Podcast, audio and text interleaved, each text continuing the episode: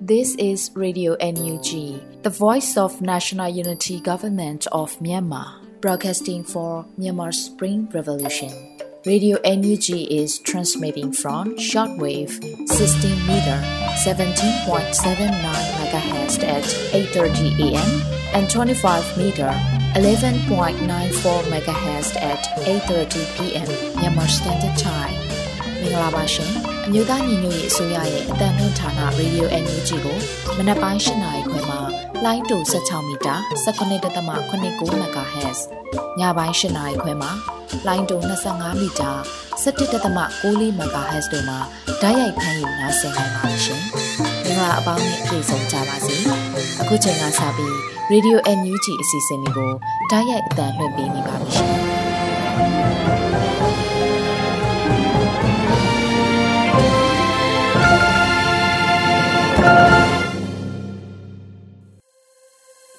မြန်မာနိုင်ငံသူနိုင်ငံသားအပေါင်းတဘာဝပေးဆရာနာရှင်ဗီတို့ကနေကင်းဝေးပြီးကိုစိတ်နှပါပေးကင်းလုံးကြုံကြပါစေလို့ရေဒီယိုအန်ယူချီဖွယ်သားများကဆုတောင်းမြတ်တာပို့သလိုက်ရပါတယ်ရှင်။အခုချိန်ကစပြီးကာဝေးဝင်ကြီးဌာနရဲ့စီရေးသတင်းချင်းချုပ်ကိုတော့နှွေဦးမှုမှဖတ်ကြားတင်ပြပေးပါရမရှင်။မင်္ဂလာပါခင်ဗျာ။အမျိုးသားညီညွတ်ရေးအစိုးရကာကွယ်ရေးဝန်ကြီးဌာနမှထုတ်ဝေသောနိုင်စဉ်စီရေးသတင်းအကျဉ်းချုပ်များကိုတင်ပြသွားပါမယ်။ ဤသတင်းများကိုမြေပြင်သတင်းတောင်ဝန်ခံတွေနဲ့ခံလုံသောမိဖက်သတင်းရင်းမြစ်တွေမှာဖော်ပြလာသောအချက်အလက်များပေါ်အခြေခံပြုစုထားခြင်းဖြစ်ပါတယ်ခင်ဗျာယနေ့တနိုင်ငံလုံးအတိုင်းအတာအနေနဲ့စစ်ကောင်စီတပ်သား16ဦးသေဆုံးပြီးစစ်ကောင်စီတပ်သား3ဦးဒဏ်ရာရရှိခဲ့ပါတယ်ပထမဆုံးအနေနဲ့စစ်ကောင်စီနဲ့တိုက်ပွဲဖြစ်ပွားမှုများကိုတင်ပြသွားပါမယ်ကရင်နီကယားပြည်နယ်တွင်စက်တင်ဘာလ29ရက်နေ့မနက်10:00နာရီခန့်က လွိုင်ကော်မြို့နယ်ကယန်းတာယာလမ်းခွဲကုန်းတွင်တက်ဆွဲထားသည့်စစ်ကောင်စီတပ်များအား KNDF B02 စနိုက်ပါတပ်ဖွဲ့ KNDF B12 KNDF B14 လွိုင်ကော် PDF အလဲပိုင်းတိုင်းအထူးစစ်စီရေးစနိုက်ပါအဖွဲ့ USSFU မဟာမိတ်တပ်ပေါင်းစုတို့မှပူးပေါင်း၍ပြစ်ခတ်တိုက်ခိုက်ခဲ့ရာစစ်ကောင်စီ9ဦးသေဆုံးခဲ့ပြီး စစ်ကောင်စီဘက်မှလက်နက်ကြီးလက်နက်ငယ်များဖြင့်ပြန်လည်ပစ်ခတ်ခဲ့တော်လဲပြည်သူ့ကာကွယ်ရေးအဖွဲ့များထိခိုက်မှုမရှိစုခွာနိုင်ခဲ့ကြောင်းသိရပါတယ်ခင်ဗျာချင်းပြည်နယ်တွင်စက်တင်ဘာလ29ရက်နေ့မနက်9:30မိနစ်ခန့်ကဟာခမြို့နယ်ဟာခမြို့6လမ်းဆောင်တွင်စစ်ကောင်စီတပ်ဖွဲ့နှင့်ဒေသခံကာကွယ်ရေးတပ်တို့ပစ်ခတ်မှုဖြစ်ပွားခဲ့ပြီးရဲတပ်သားတို့သေဆုံး၍နှစ်ဦးထိခိုက်ဒဏ်ရာရခဲ့ကပစ်ခတ်မှုကြောင့် နေအိမ်တစ်လုံးပျက်စီးခဲ့ကြောင်းသိရပါတယ်ခင်ဗျာ။စကိုင်းတိုင်းတွင်စက်တင်ဘာလ28ရက်နေ့မနက်8:15မိနစ်ခန့်ကရွှေဘိုမြို့နယ်ပလိုင်းကျေးရွာလာသောစစ်ကောင်စီတပ်သားများရွာတာကျေးရွာသို့စိုင်းကယ်နှစီးဖြစ်လာရောက်စဉ်ရွှေဘိုမြို့နယ်ပကဖတိုက်နယ်9 6ပျက်စီးမှုချုပ်အဖွဲ့ SBDF အဖွဲ့တို့ပူးပေါင်း၍မိုင်းဆွဲတိုက်ခတ်ခဲ့ရာစိုက်ကယ်တစီထိမှန်လဲကျသွားခဲ့ပါတယ်။ စက်တင်ဘာလ28ရက်နေ့မနက်၄နာရီခန့်ကဒဇယ်မြို့နယ်ကပောင်ကျေးရွာတွင်တက်ဆွဲ၍နေအိမ်30ခန့်ကိုမီးရှို့၍ပြန်ထွက်လာသောစစ်ကောင်စီစစ်ကြောင်းကို Guerrilla Warfare KPK အဖွဲ့မှမိုင်းတလုံးဆွဲတိုက်ခတ်ခဲ့ကြောင်းသိရပါတယ်။စက်တင်ဘာလ29ရက်နေ့ကမြောင်မြို့နယ်အတွင်းရှိပြူစောတိအဖွဲ့ကို Wings of the Ayawadi နှင့်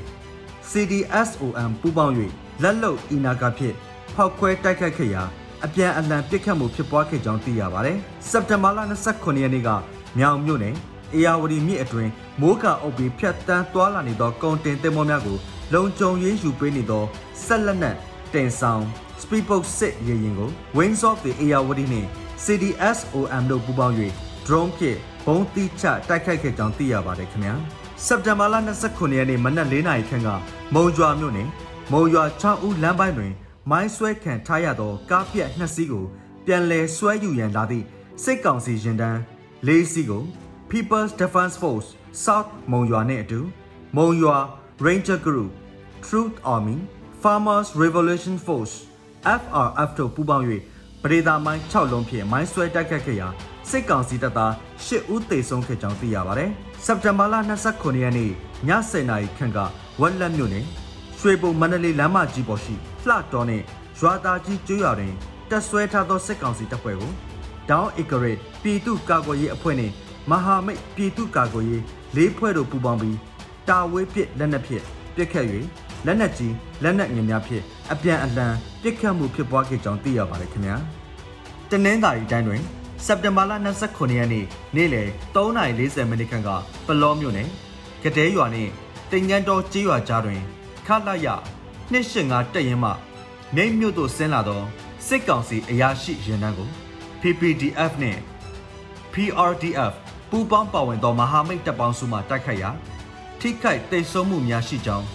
ပလောဒေတာကာကွယ်ရေးတပ်ဖွဲ့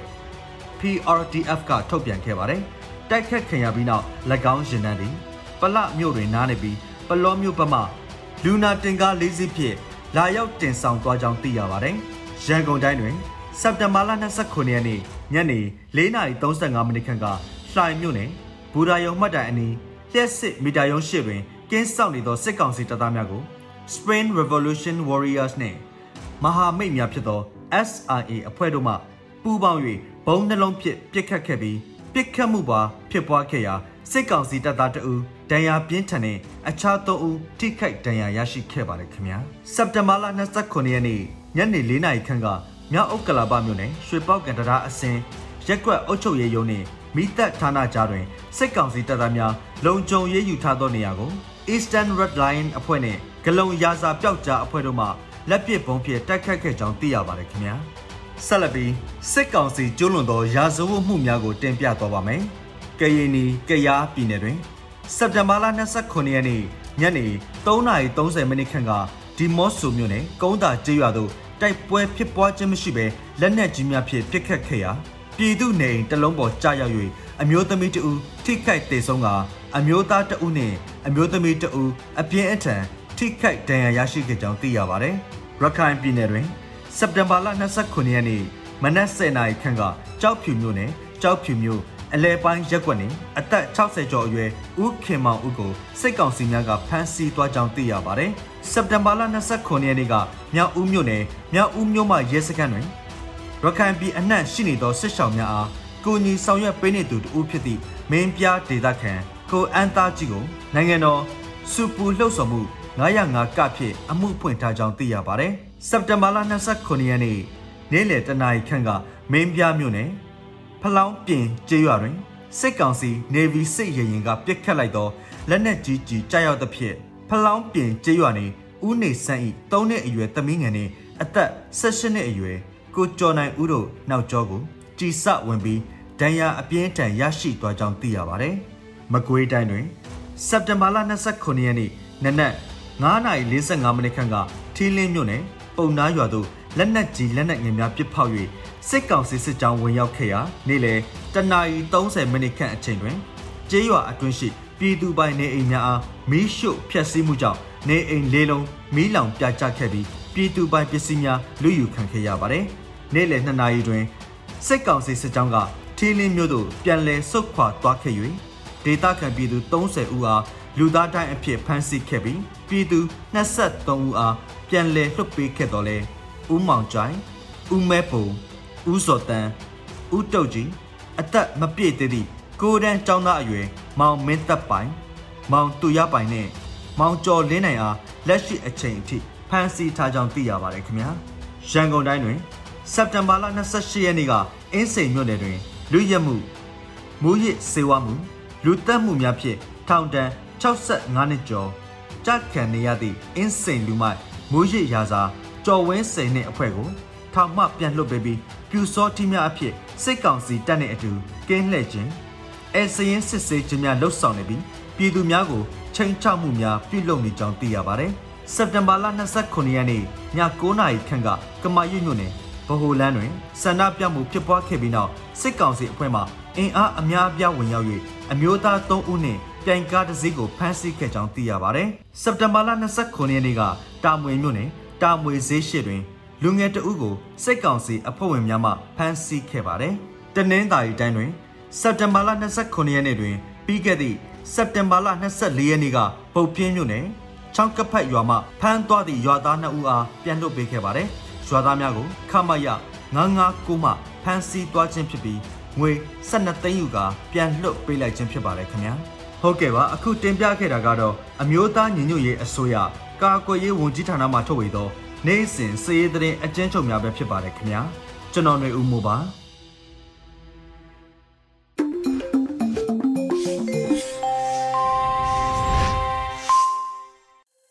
ရေဒီယိုအန်ယူဂျီမှာဆက်လက်တင်ပြနေပါတယ်။အခုဆက်လက်ပြီးနောက်ဆုံးရသတင်းများကိုຫນွေဦးမိုင်မှဖတ်ကြားတင်ပြပေးပါရမရှင်။မင်္ဂလာမနက်ခင်းပါရှင်။အခုချိန်ကစပြီးရေဒီယိုအန်ယူဂျီမနက်ခင်းသတင်းများကိုတင်ပြပေးပါရမယ်။ကျွန်မຫນွေဦးမိုင်ပါ။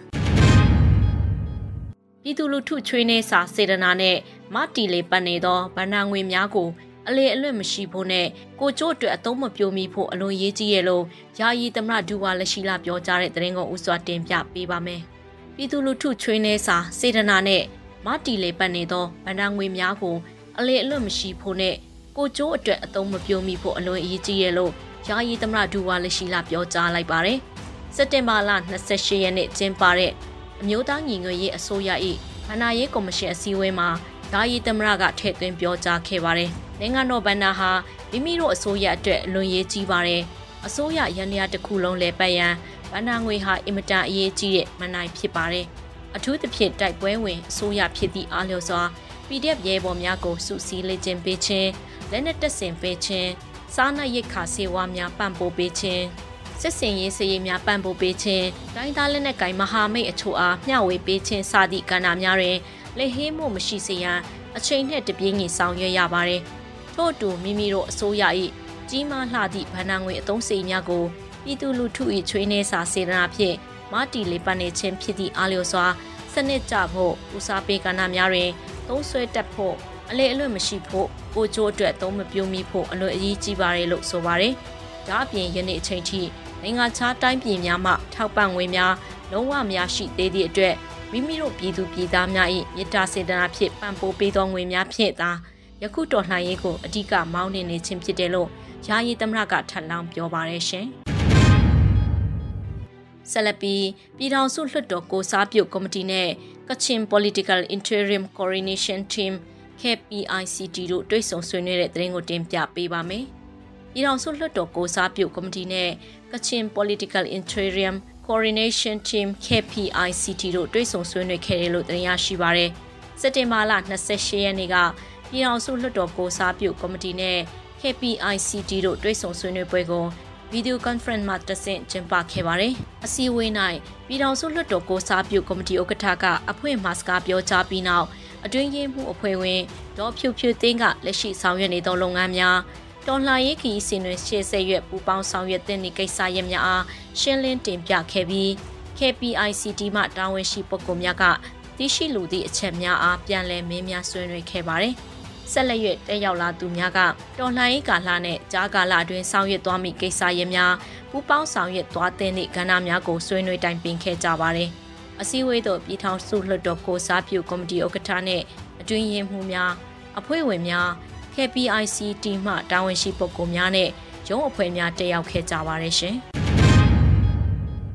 ဆက်လက်ပြီးကျေးလက်ကိုအခြေခံမြို့ကိုပတ်ဝိုင်းပြီးတရားသောစစ်ကိုဆင်နွှဲသွားရမယ်လို့ ကာကွယ်ရေးဒုဝန်ကြီးနိုင်ကောင်းရဲ့ဆိုလိုက်တဲ့သတင်းကိုတင်ပြပေးပါမယ်။ကျေးလက်ကိုခြေခံပြီးမြို့ကိုပတ်ဝိုင်းပြီးတရားသောစစ်ကိုဆင်နွှဲသွားရမယ်လို့ကာကွယ်ရေးဒုဝန်ကြီးနိုင်ကောင်းရကပြောကြားလိုက်ပါတယ်။စက်တင်ဘာ28ရက်ပြည်သူ့ကာကွယ်တပ်ဖွဲ့များတို့ရေဒီယိုမိန်ခွန်းပြောကြားရမှာ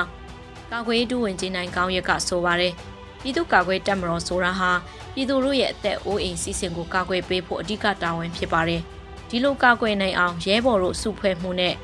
ထိန်းချုပ်မှုအားကောင်းသောအမိန့်ပေးကွက်ကဲမှုအောင်မှာအမိန့်နာခံမှုစီကံတည်တတ်မှုနဲ့တိုက်ခိုက်စွမ်းရည်မြင့်တဲ့ဟက်မီနီပညာစစ်ပွဲနဲ့အမိန့်နာခံမှုစီကံတည်တတ်မှုနဲ့တိုက်ခိုက်စွမ်းရည်မြင့်တဲ့ခက်မီနီပညာစစ်ပွဲနဲ့ပြည်သူစစ်မဟာဗျူဟာကိုကျင့်သုံးပြီးကျေးလက်ကိုအခြေခံမြို့ကိုပတ်ဝိုင်းပြီးတရားတော်စစ်ကိုဆင်နွှဲသွားရမယ်လို့ဆိုပါတယ်။လက်ရှိမှာပြည်သူခုခံတွန်းလှန်စစ်တစ်နှစ်တာကာလတွင်အကြမ်းဖက်စစ်တပ်ဘက်ကအယောက်2000ကျော်ကြာဆုံးခဲ့ပြီးဖြစ်ပါတယ်ရှင်။ ဆက်လက်ပြီးကရန်ဒေတာမှစစ်ဘေးရှောင်ပညာရေးရန်ပုံငွေအတွက်အင်ဂျီအထေတရားရောင်းချလိုက်တဲ့သတင်းကိုတင်ပြပေးပါမယ်။ကရန်ဒေတာမှစစ်ဘေးရှောင်ပညာရေးရန်ပုံငွေအတွက်အင်ဂျီအထေတရားရောင်းချလှည့်ရှိပါတယ်။စက်တင်ဘာ28ရက်မှာလူအခွင့်ရေးရာဒူဝင်ကြီးခွန်ဘဟန်ထံကဆိုပါရယ်ချစ်ခင်လေးစားအပ်ပါတော့မဲလ်ဘွန်မြို့မှညီကိုမောင်နှမများအားလုံးကရန်ဒေတာမှစစ်ပေးရှောင်ပညာရေးရန်ပုံငွေအတွက်အင်ဂျီအထက်တရာပို့လာတာရှိပါတယ်။ စိုက်များအနေဖြင့် Asia Site ML XL XXL များဖြစ်ပါတယ်လို့ဆိုပါတယ်။ဝယ်ယူအားပေးလို့သူများတစ်ထည် Australia ဒေါ်လာ40ဖြင့်အားပေးနိုင်တယ်လို့သိရရှိပါတယ်ရှင်။ဆက်လက်ပြီးထိုင်းနိုင်ငံစမုပရာကန်ခရိုင်ဘန်ဘော်နယ်မြေရှိငါးတစ်တာစက်ရုံမှအလုထုတ်ခိုင်းရသည့်အလုသမားများအတွက် NUG အလုသမားဝင်ကြီးဌာနမှတာဝန်ပေးအပ်မှုရကိုရဲမင်း AAC အဖွဲ့ဖြည့်ရှင်းဆောင်ရွက်လိုက်တဲ့သတင်းကိုတင်ပြပေးပါမယ်။ထိုင်းနိုင်ငံစမုပရာကန်ခရိုင်ဘန်ဘော်နယ်မြေရှိငါးတက်တာစက်ရုံမှအလုတ်ထုတ်ခံရသည့်အလုတ်သမားများအတွက် NUG အလုတ်သမားဝင်ကြီးဌာနမှတာဝန်ပေးအပ်မှုရဥရဲမင်း AAC အဖွဲ့ဖြည့်ရှင်းဆောင်ရွက်ခဲ့ပါတယ်။စက်တင်ဘာ28ရက်မှာ NUG အစိုးရအလုတ်သမားဝင်ကြီးဌာနကအသိပေးဖော်ပြပါတယ်။ထိုင်းနိုင်ငံစမုပရာကန်ခရိုင်ဘန်ဘော်နယ်မြေရှိငါးတက်တာစက်ရုံမှ မြန်မာအလုတ်သမား130ဦးခန့်အလုတ်ထုတ်ခံရပြီးအမျိုးသားညီညွတ်ရေးဆိုရမှဝင်ရောက်ဖြည့်ရှင်ပေးရန်ဆန္ဒဖော်ထုတ်သဖြင့်စက်တင်ဘာ22ရက်နေ့တွင်အမျိုးသားညီညွတ်ရေးဆိုရအလုတ်သမားဝင်ကြီးဌာနမှတာဝန်ပေးအမှုရပိုရဲမင်း AAC အဖွဲ့နှင့်ဦးသက်ပိုင်မင်းတို့မှစမုပရာကန်ခရိုင်အလုတ်သမားကာကွယ်ဆောင်ရှောက်ရေးယုံနဲ့ချိတ်ဆက်ဖြည့်ရှင်းဆောင်ရွက်ခဲ့ပါတယ်။ဖြည့်ရှင်းဆောင်ရွက်မှုများအရကာကြီးအလုတ်ထုတ်ရရင်ကြိုတင်အကြောင်းကြားရန်ပြက်ကွက်ခြင်းကြောင့်အလုတ်သမား38ဦးအတွက် ဒုက္ခလစာနဲ့လုတ်သက်လိုက်နင်နာကြေးများရရှိရန်အလုရှင်အားအမှုဖွင့်ခဲ့ခြင်းခါခွေအလုရှင်အလုသမားညှိနှိုင်းသဘောတူမှုရကြံအလုသမားများအတွက်အလုရှင်မှပေးရန်ကြံရှိသောလုံအားခများနဲ့တရဝင်အလုပြောင်းရွှေ့ခွင့်စာရွက်စာတမ်းများအများဆုံးရရှိနိုင်ရင်ညှိနှိုင်းဆောင်ရွက်ခဲ့ခြင်းထို့အပြင်အလုရှင်အားအမှုဖွင့်ထားသည့်အလုသမား38ဦးအတွက်တရဝင်အလုပြောင်းရွှေ့ခွင့်ရရှိရန် စမုပရာကန်ခရိုင်အလို့ကင်ဌာနဂျဟာငါနဲ့ချိတ်ဆက်ဆောင်ရွက်လက်ရှိရလို့ဆိုပါတယ်မြန်မာနိုင်ငံ၏အရေးပေါ်ကာလအခြေအနေတွင်အကူအညီမဲ့နေသည့်ထိုင်းနိုင်ငံရောက်မြန်မာလူသမားများ၏အလုသမားအကျိုးခံစားခွင့်များရရှိအောင်ပူးပေါင်းဖြည့်ရှင်းဆောင်ရွက်ပေးသည့်စမုပရာကန်ခရိုင်အလုသမားကာကွယ်ဆောင်ရှောက်ရေးဌာနစဝါရီကန်အလုကင်ဌာနဂျဟာငါနဲ့ဝင်ကြီးဌာန၏တာဝန်ပေးအပ်မှုရညှိနှိုင်းဖြည့်ရှင်းပေးသည့်ကုရဲမင်း AAC အဖွဲ့နှင့် ဦးသက်ပိုင်မင်းတို့အားအမျိုးသားညီညွတ်ရေးအစိုးရအလုသမားဝင်ကြီးဌာနမှမှတ်တမ်းတင်ဂုဏ်ပြုအပ်ပါတယ်လို့ဖော်ပြထားပါတယ်ရှင်။ဆက်လက်ပြီးချီလင်းမြို့မှရဲစခန်းမှရဲတပ်သားတဦးလက်နက်ခဲရအပြည့်စုံနဲ့လင်းဝင်လာတဲ့သတင်းကိုတင်ပြပေးပါမယ်။ချီလင်းမြို့မှရဲစခန်းမှရဲတပ်သားတဦးလက်နက်ခဲရအပြည့်စုံနဲ့အလင်းဝင်လာတဲ့လို့ချီလင်း PDF ကဆိုပါရယ်။စက်တင်ဘာ28ရက်မှာအလင်းဝင်တဲ့ ရဲတပ်သားအချက်လက်ကိုထီလင်း PDF ကဆိုပါတယ်။ထီလင်းမြို့မှာရဲစခန်းမှာရဲတပ်သားတူဟာစက်တင်ဘာ10ရက်ကောင်ကောခရိုင်တပ်ရင်း2တပ်ရင်း4တပ်ရင်း30တို့ဆက်သွဲကပြည်သူရင်ခွင်တို့လက်နက်ခဲရအပြည့်စုံဖြင့် CDN ဝင်ရောက်လာခဲ့ပါတယ်လို့ဆိုပါတယ်။ PDF ထီလင်းတို့အလင်းဝင်လာတဲ့ရဲတပ်သားဟာ BA64 G4 တလက် G ပေါက်2ပေါက် G 248 တောင်းလှန်ဆွတ်တစ်ချောင်းလက်နက်ခဲရအပြည့်စုံဖြင့်ခိုးဝင်လာတယ်လို့ဖော်ပြပါတယ်။ ရဲတပ်သားအားမိမိတို့ခရိုင်တပ်ရင်းနှစ်430မှ360တီတီကိုကုန်ပြိုချင်းမြင်ခဲ့ပါတယ်။ပြည်သူရင်ခွန်ခုံလုံရန်ဆန္ဒရှိသောရဲနဲ့စစ်ကောင်စီတပ်များကံကောခရိုင်အမှတ်၄အမှတ်2 430တရင်တို့ဆက်သွယ်ဆုံစားမင်းမြန်နိုင်တယ်လို့လည်းဆိုထားပါတယ်ရှင်။ဆက်လက်ပြီးဩဂတ်စ်လ25ရက်နေ့မှစက်တင်ဘာလ10ရက်နေ့ထိနှစ်ပတ်တာတွင်ရခိုင်တပ်တော် AA ကမြန်မာစစ်တပ်အခြေစိုက်စခန်းကိုခုကိုတင်လိုက်တဲ့သတင်းကိုတင်ပြပေးပါမယ်။ ဩဂတ်စ်လ25ရက်နေ့မှစက်တင်ဘာ10ရက်နေ့အထိနှစ်ပတ်တာတွင်ရခိုင်တပ်မတော် AA ကမြန်မာစစ်တပ်အခြေစိုက်စခန်းကိုခုကိုတင်ပတ်ခဲ့ပါတယ်။စက်တင်ဘာလအတွင်းမှာ NLDAE အချက်လက်များအရသတင်းရရှိပါတယ်။ရခိုင်ပြည်နယ်အတွင်းရခိုင်တပ်တော် AA နဲ့စစ်ကောင်စီတို့ကြားတကြော့ပြန်တိုက်ပွဲများပြင်းထန်နေပြီးဩဂတ်စ်လ25ရက်နေ့မှစက်တင်ဘာလ10ရက်နေ့အထိနှစ်ပတ်တာအတွင်းရခိုင်တပ်တော် AA ကမြန်မာစစ်တပ်အခြေစိုက်စခန်းကိုခုကိုသိမ်းနိုင်ခဲ့တာပါ။ တိုင်းပိုက်ခဲ့တဲ့သတင်းများအရဩဂတ်စ်လ25ရက်နေ့တွင်ပလက်ဝမြို့နယ်အတွင်းကနမတာစခန်းတထေကုန်းစခန်းတက္ကချောင်းရှေ့တန်းစခန်းအပေါင်သားကျေးရွာရှေ့တန်းစခန်းကျက်ရကိုင်းကျေးရွာရှေ့တန်းစခန်းများနဲ့ဩဂတ်စ်လ31ရက်နေ့တွင် မိုင်းတိုင်40စခန်းမြန်မာဘင်္ဂလားနယ်စပ်မိတိုက်နယ်ချားဆောင်စခန်းကျင်းချောင်းဗျူဟာကာကင်းစခန်းနဲ့ခမရ35နှစ်တရင်စခန်းတို့ဖြစ်ပါတယ်။ စစက်တင်ဘာလ23ရက်နေ့မှာလက်နက်ကြီးပစ်ခတ်မှုနဲ့စစ်တေဝင်ရောက်မှုတွေကြောင့်ဘူးတီတောင်မြို့နယ်အတွင်းလူ300ခန့်ဟာ၎င်းတို့ကြေးရွာကနေနေရက်စွန့်ခွာထွက်ပြေးတိမ်းရှောင်ခဲ့ကြရတဲ့အတွက်ဩဂတ်စ်လကစပြီးရခိုင်ပြည်နယ်မှာအိုးအိမ်စွန့်ခွာတိမ်းရှောင်ရသူရေအတွက်ဟာ9000နီးပါးထိရှိလာတယ်လို့စက်တင်ဘာလ28ရက်မှာအိုချာမြန်မာကသတင်းထုတ်ပြန်ဖော်ပြပါရရှင်။ ဆက်လက်ပြီးဖျားတောင်တက်စခန်းကုန်းအား KNLA တပ်ရင်း16တပ်ဖွဲ့ဝင်များနဲ့အထူးစစ်စင်ရေးအဖွဲ့ SOF တပ်ဖွဲ့ဝင်များပူးပေါင်းသိမ်းပိုက်တဲ့သတင်းကိုတင်ပြပေးပါမယ်။ဖျားတောင်တက်စခန်းကုန်းအား KNLA တပ်ရင်း16တပ်ဖွဲ့ဝင်များနဲ့အထူးစစ်စင်ရေးတပ်ဖွဲ့ SOF တပ်ဖွဲ့ဝင်များပူးပေါင်းသိမ်းပိုက်ခဲ့ပါတယ်။စက်တင်ဘာ28ရက်နေ့6နာရီတွင် KNU တပ်မှ6နေမြေဖျားသုံးစုမြို့ဝင်ရှိအကြမ်းဖက်စစ်တပ် ခလာရ283တရင်မှမတရားကျူးကျော်တပ်ဆွဲထားသည့်ဖျားတောင်တပ်စခန်းကုန်းကိုသိမ်းပိုက်ခဲ့တာလို့အထူးစစ်စင်ရေးအဖွဲ့ SOF ကဆိုပါတယ်။ယနေ့နာနဲ့6နိုင်တွင် KNU တပ်မှ6နေမြေဖျားသုံးစုမြို့ဝင်ရှိအကြမ်းဖက်စစ်တပ်ခလာရ283တရင်မှမတရားကျူးကျော်တပ်ဆွဲထားသည့်ဖျားတောင်တပ်စခန်းကုန်းအား KNLA တပ်ရင်း16တပ်ဖွဲ့ဝင်များနဲ့အထူးစစ်စင်ရေးတပ်ဖွဲ့ SOF တပ်ဖွဲ့ဝင်များ ပူးပေါင်းရင်အောင်မြင်စွာပြန်လည်တိုက်ခိုက်သိမ်းပိုက်နိုင်ခဲ့ပါတယ်လို့ဖော်ပြပါရယ်။တိုက်ပွဲတွင်အကြမ်းဖက်စစ်တပ်ဖက်မှဒုတရင်မှုဘူမှုအစဉ်အရာရှိအပါအဝင်73ဦးကြဆုံးခဲ့ပြီး18ဦးခန့်စခန်းဆွန်ခွာထွက်ပြေးသွားခဲ့ပါတယ်။လက်နက်ခဲယမ်းများအနေဖြင့် MA4 ပူတွဲတလက် MA2 နှစ်လက် MA3 တလက် MA1 နှစ်လက်စနိုက်ပါတလက်60မမတလက် မကျင်းမီဆက်လက်တလက်နာတိုကြီး89တောင်း 5.56G 913တောင်းကြီးပေါက်16ခုတင်စီရမိခဲ့လို့တင်ရရှိပါရယ်တိုက်ပွဲကြာချိန်နန်းနဲ့6နာရီမှ9နာရီအထိအပြင်းထန်တိုက်ခိုက်ခဲ့ရတော့လဲ KNLA နဲ့ SOVF တပ်ဖွဲ့ဝင်များဘက်မှအထိခိုက်လုံးဝမရှိဘူးလို့တင်ရရှိပါရယ်ရှင်အခုတင်ပြပေးခဲ့တဲ့သတင်းတွေကိုတော့ Radio UNG သတင်းထောက်မင်းမင်းကပေးပို့ထားတာဖြစ်ပါတယ်ရှင်။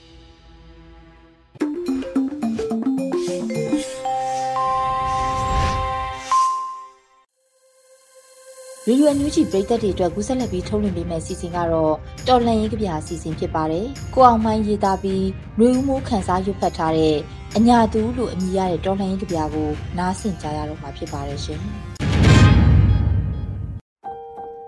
အညာသူတိုက်ပွဲပြင်းပြင်းနေအစင်းတရာပွင့်စမ်းပါစေအချစ်ဟာနှွေတန်လျက်ထနှွေတန်လျက်ထနှွေအညာမြေမှာပန်းတွေလဲကျွေသွေးတွေနဲ့ဝေ အညာမူထတမိုင်းလှကြသူ့ကြုံမခံတွန်းလှန်တဲ့မြေပွင့်ကြွေတွေတွက်ပွင့်ဝေတွေကအညာတေးသည်ပြည်သက်စီကိုစစ်ချီခဲ့ညီခက်ခဲကြမ်းတမ်းစစ်တက်လန်းတပူကြတပူတက်တမိုင်းဆက်ခဲ့အညာတမိုင်းမုံတိုင်းထန်ဆဲပန်းပန်ဆဲကောင်းငုတ်ခံစကားအညာသားမသိမတရားရင်ခုခံမယ်ဓမ္မတရားကိုကာကွယ်မယ် သွေးကြွေးကိုသွေးနဲ့ဆက်မယ်ဥဒန်းတွင်မဲ့အညာတေးပေးဆက်ခဲ့တဲ့အညာသွေးဘိုးဘွားတွေအတွက်လက်တုပ်ပြန်မယ်ဖေမေတွေအတွက်လက်တုပ်ပြန်မယ်မောင်နှမတွေအတွက်လက်တုပ်ပြန်မယ်သားသမီးတွေအတွက်လက်တုပ်ပြန်မယ်ကလေးတွေအတွက်လက်တုပ်ပြန်မယ်သွေးကြွေးဆိုတာအညာသားအတွက်ကိုဓာတ်ဥပဒေရဲ့စီတခုပကွက်ကြားနဲ့တနတ်လွယ်ထား အညာတလွှားကတတ်ထားချစ်သူမွေးရက်မြေကအညာသူတိုက်မောင်းတန်ကြားအောင်ပွဲခံသူပြည့်ချစ်သူဂုံယူခြင်းစမ်းပါပြီအညာသူ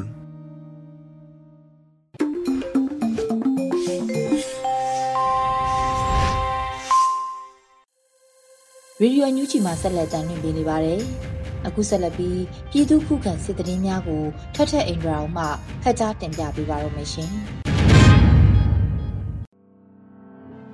ပထမဦးစွာကရင်ပြည်နယ်မှာရှိတဲ့စစ်ကောင်စီတပ်စခန်းနှစ်ခုတိုက်ခိုက်သိမ်းပိုက်ခံရတဲ့တဲ့ရင်ကိုတင်ဆက်ပေးပါမယ်။ကရင်ပြည်နယ်မှာရှိတဲ့ကြာရင်စိတ်ကြီးမြို့နယ်ရှိစစ်ကောင်စီတပ်ခလာရ283တပ်ရင်ဖျားတောင်စခန်းကို KNL ပူးပေါင်းတပ်တွေကဒီကနေ့မှသိမ်းပိုက်လိုက်ပြီးဒုတပ်ရင်မှုအပါအဝင်17ဦးသေဆုံးကြောင်းလက်နက်73လိုက်ရရှိကြောင်း KNU တည်င်းရင်မြစ်ကဆိုပါတယ်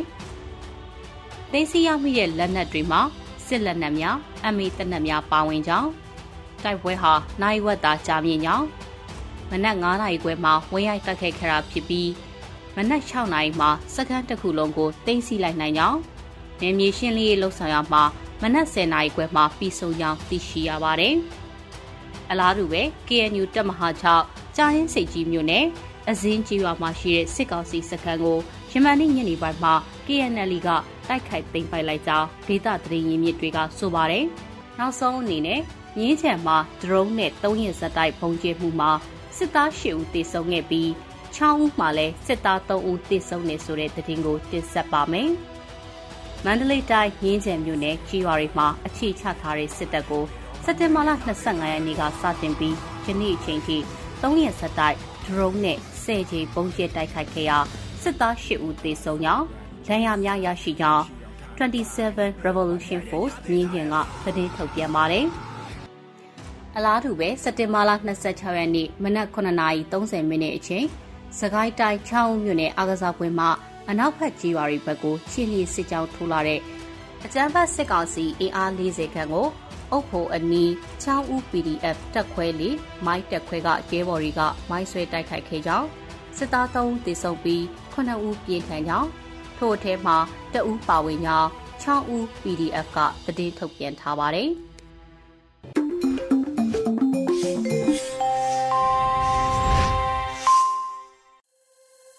ဗီဒီယိုညူးချီပရိသတ်တွေအတွက်ကူးဆက်လက်ပြီးထုတ်လွှင့်ပေးမယ့်စီစဉ်ကတော့ PPTV ရဲ့နေ့စဉ်သတင်းများဖြစ်ပါတယ်။ထက်ထက်အင်ဘရာအောင်မှဖတ်ကြားတင်ပြပေးပါရမရှင်။အခုချိန်ကစပြီး PPTV သတင်းတွေကိုတင်ဆက်ပေးတော့မှာပါ။ကျွန်မထက်ထက်အင်ဘရာအောင်ပါ။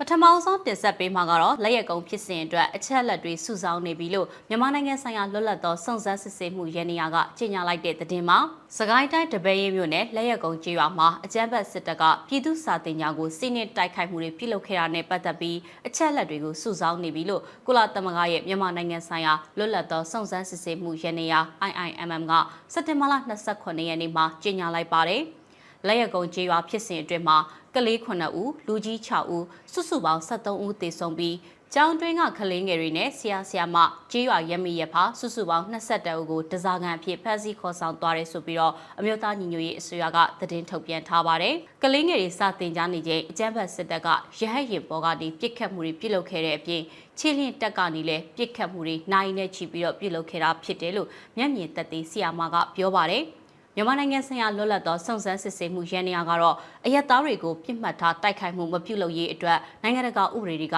တားမြစ်ထားပြီးကျူးလွန်သူတွေကိုစစ်ရာဇဝတ်မှုလူသားမျိုးနွယ်ပေါ်ကျူးလွန်တဲ့ရာဇဝတ်မှုအဖြစ်အရေးယူရဲဆိုပြီးတော့လည်းပြောကြားထားပါတယ်။ IMM ကတော့နိုင်ငံတကာဥပဒေတွေမှာတိုက်ခိုက်ဖို့ဆုံးဖြတ်တဲ့အခါမှာအဓိကအချက်၃ချက်ကိုလိုက်နာရမှာဖြစ်ပြီးပထမအချက်ကစစ်ရေးပြစ်မှတ်တွေရှိမရှိသိကြအောင်စစ်ဆေးဖို့ ဒုတိယအချက်ကအယက်သားတွေထိခိုက်မှုနည်းနိုင်သမျှနည်းအောင်လှုံ့ဆော်မှုနဲ့တတိယအချက်ကတော့အယက်သားတေကြီးထိခိုက်မှုနဲ့အဆောက်အအုံထိခိုက်ပျက်စီးမှုကြီးမားနိုင်ရင်တိုက်ခိုက်မှုတွေကိုမလုပ်ဖို့အတွက်အချက်တွေပဲဖြစ်ပါတယ်။အကြမ်းဖက်စစ်ကောင်စီကအာဏာသိမ်းပြီးတဲ့အချိန်ကစလို့ပြည်သူတွေကိုအဆုလိုက်အပြုံလိုက်တပ်ဖြတ်မှုတွေပြုလုပ်နေတယ်လို့အမျိုးသားညီညွတ်ရေးအစိုးရကထောက်ပြထားပါတယ်။အဲ့ဒီလိုအဆုလိုက်အပြုံလိုက်တပ်ဖြတ်မှုတွေပြုလုပ်ခဲ့ရမှာ2021ခုနှစ်အတွင်းဇူလိုင်လမှာလူ40ကျော်တပ်ဖြတ်မှု ဒီဇင်ဘာလ9ရက်မှာ10ဦးကိုတပ်ဖြတ်ခဲ့မှုဒီဇင်ဘာလ24ရက်မှာ49ကိုမိရှုတပ်ဖြတ်မှုတို့ပြုလုပ်ခဲ့ပါတယ်။ဒါအပြင်2022ခုနှစ်အတွင်းမှာလည်းဇန်နဝါရီလမှာ17ဦးကိုတပ်ဖြတ်ခဲ့မှုဧပြီလမှာ9ဦးကိုတပ်ဖြတ်မှုမေလမှာ28ဦးကိုတပ်ဖြတ်မှုနဲ့အခုနောက်ဆုံးစက်တင်ဘာလအတွင်းမှာလက်ရကုံကြီးရွာမှာ73ဦးကိုတပ်ဖြတ်ခဲ့မှုဖြစ်စဉ်တွေပါမြန်မာနိုင်ငံဆိုင်ရာလွတ်လပ်သောစုံစမ်းစစ်ဆေးမှုရန်နေရအဖွဲ့က 2018ခုနှစ်ကုလလူ့အခွင့်အရေးကောင်စီကဖွဲ့စည်းခဲ့တာဖြစ်ပြီးတော့အကြမ်းဖက်စစ်တပ်ရဲ့စစ်ရာဇဝတ်မှုတွေကိုစုံစမ်းစစ်ဆေးမှုအတွက်ဖွဲ့စည်းထားတဲ့အဖွဲ့လေးဖြစ်ပါတယ်။ကျေးဇူးတင်ပါတယ်ရှင်။ဒီကနေ့ကတော့ဒီညနဲ့ပဲ Radio NUG ရဲ့အစီအစဉ်လေးကိုခਿੱတရနာလိုက်ပါမယ်ရှင်။မြမစံတော်ချိန်မနက်၈နာရီခွဲနဲ့ည၈နာရီခွဲအချိန်တွေမှာပြန်လည်ဆုံတွေ့ကြပါစို့။ Radio NUG ကိုမနက်ပိုင်း၈နာရီခွဲမှာ လိုင်းတူ16မီတာ19.89 MHz ညပိုင်း၈နာရီခွဲမှာလိုင်းတူ25မီတာ17.6 MHz တို့မှာဓာတ်ရိုက်ဖမ်းလို့နိုင်စေနိုင်ပါပြီ။မြန်မာနိုင်ငံသူနိုင်ငံသားတွေကိုစိတ်နှပြစမ်းမချမ်းသာလို့ဘေးကင်းလုံခြုံကြပါစေလို့ Radio NUG အဖွဲ့သူဖွဲ့သားတွေကဆုတောင်းမြတ်တာပို့တာလိုက်ရပါတယ်ရှင်။အမျိုးသားညီညွတ်ရေးအစိုးရရဲ့စက်သွေးရေးသတင်းအချက်အလက်နဲ့မျိုးပညာဝန်ကြီးဌာနက ထုတ်လွှင့်နေတဲ့ Radio NUG ဖြစ်ပါတယ်။ San Francisco Bay Area အခြေစိုက်မြန်မာမိသားစုတွေနဲ့နိုင်ငံတကာကစေတနာရှင်လို့အားပေးနေတဲ့ Radio NUG ဖြစ်ပါတယ်။အရေးတော်ပုံအောင်ရမည်